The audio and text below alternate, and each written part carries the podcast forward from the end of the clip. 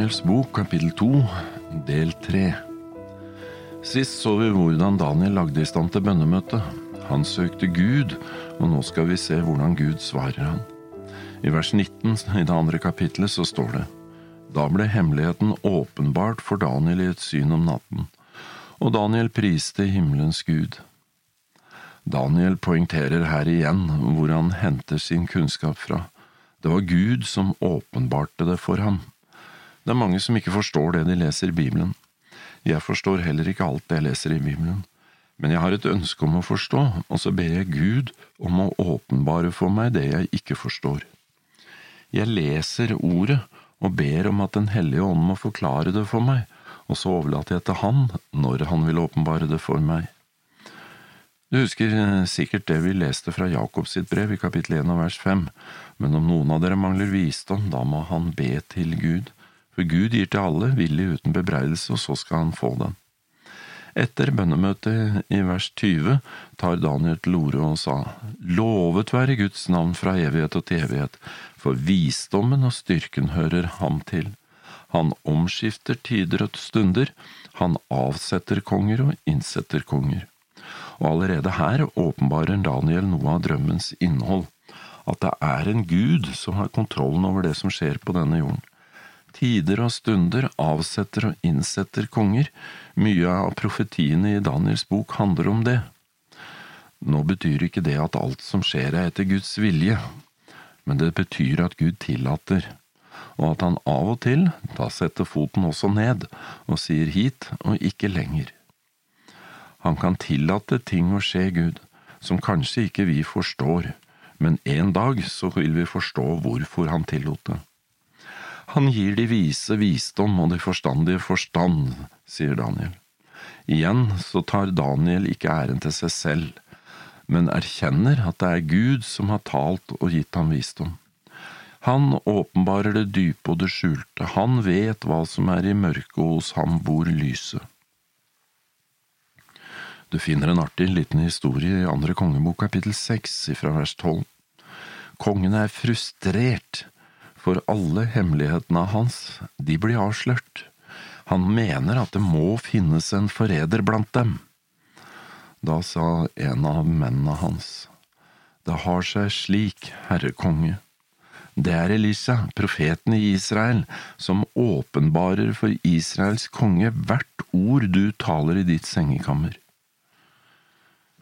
Gud kjenner mennesket og den ondes tanker, og av og til så åpenbarer han det for sine tjenere, når han ser det nødvendig å gjøre det. Det er hos ham vi kan få lys over det som skal skje. I åpenbaringen 1 så var det Jesu Kristi åpenbaring som Gud ga Johannes for at han skulle vise sine tjenere det som snart skal skje, Legg merke til det, han sendte bud ved sin engel og kunngjorde det i tegn for sin tjener Johannes. På samme måte som han har kunngjort det for Johannes, kunngjør han det her for Daniel. Det vil han også gjøre for deg, om du oppriktig søker han og ber han om det, og ikke misbruker den informasjonen du får. Men det er én ting som er litt spesielt her, og det er at det egentlig ikke er Daniel, men kongen som i utgangspunktet blir gitt drømmen. Gud bryr seg altså også om en hedens konge, han åpenbarer noe for ham, selv om han ikke forstår det med en gang. Og så bruker Gud Daniel til å forklare noe viktig for kongen. For jeg tror at Gud ønsker å nå også kongen, og vinne ham for sannheten og Guds rike. For Gud ønsker å nå alle mennesker. Derfor liker jeg at han gir drømmen til kongen, ikke til Israels konge før Nebukadnesar inntok Jerusalem, men til en hedens konge. Daniel han fortsetter i vers 23. Jeg takker og priser deg, mine fedres Gud, fordi du har gitt meg visdom og styrke. Nå har du, altså Gud, gjort meg kjent, altså Daniel, det vi, jeg og vennene mine, ba deg om. Det kongen vil vite, har du kunngjort for oss. Nå ønsker eh, Daniel å tre fram for kongen igjen, og med seg har han den visdommen som han har mottatt fra Gud. I vers 24 så står det så gikk Daniel til Arjok, som kongen hadde gitt befaling om å drepe Babels vise mann. Han kom og sa til ham, drep ikke Babels vise menn, før meg inn til kongen, så vil jeg kunngjøre tydningen for kongen. Legg merke til det som står her. Daniel sier ikke dere du kan drepe alle de andre, bare ikke meg og vennene mine, så vil jeg tyde drømmen for kongen. Nei, han sier drep ikke Babels vise menn.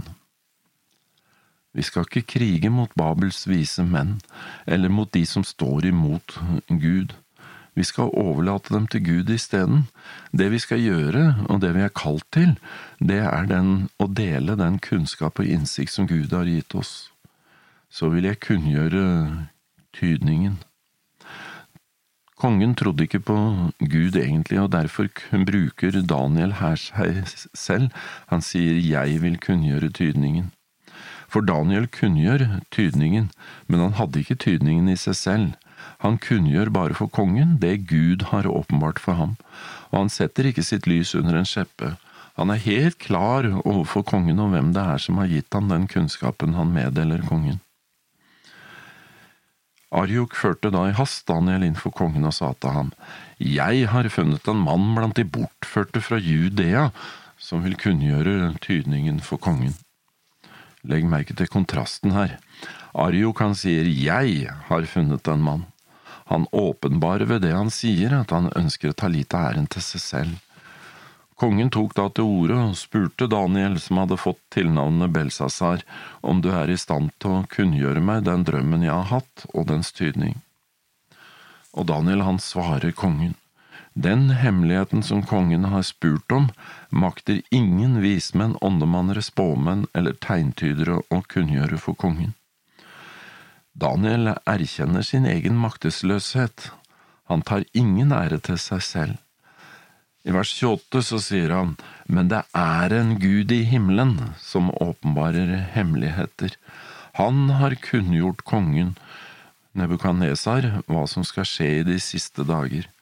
Dette er drømmen og synene du hadde i ditt indre mens du hvilte på ditt leie. Her er vi ved nøkkelverset i kapittel to. Det er en Gud i himmelen som åpenbarer hemmeligheter. Daniel han fortsetter altså i samme spor. Det er ikke jeg. Min person er ikke så interessant i denne sammenhengen, for det er ikke jeg som har funnet på tydningen. Ikke noe menneske kan fortelle kongen det han ønsker å vite, men det er en Gud. Ikke noen hvilken som helst såkalt Gud heller, men en Gud i himmelen. Daniel er ennå ikke helt ferdig med å poengtere at det er Gud, himmelens og jordens skaper, som står bak det som kongen har opplevd, og som Daniel er et redskap i Guds hånd til å kunngjøre for kongen.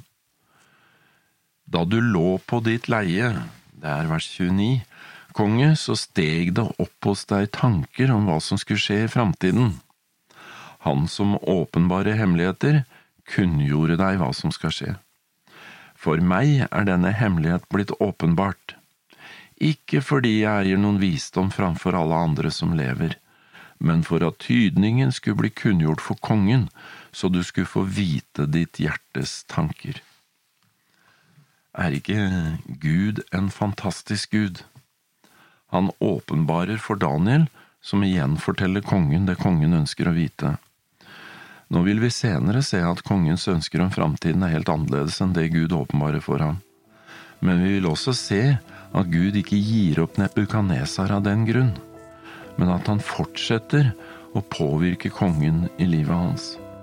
Ja, Gud tar til og med en stor risiko når han i det fjerde kapitlet lærer kong Nebukadnesar noe som vi skal se på senere.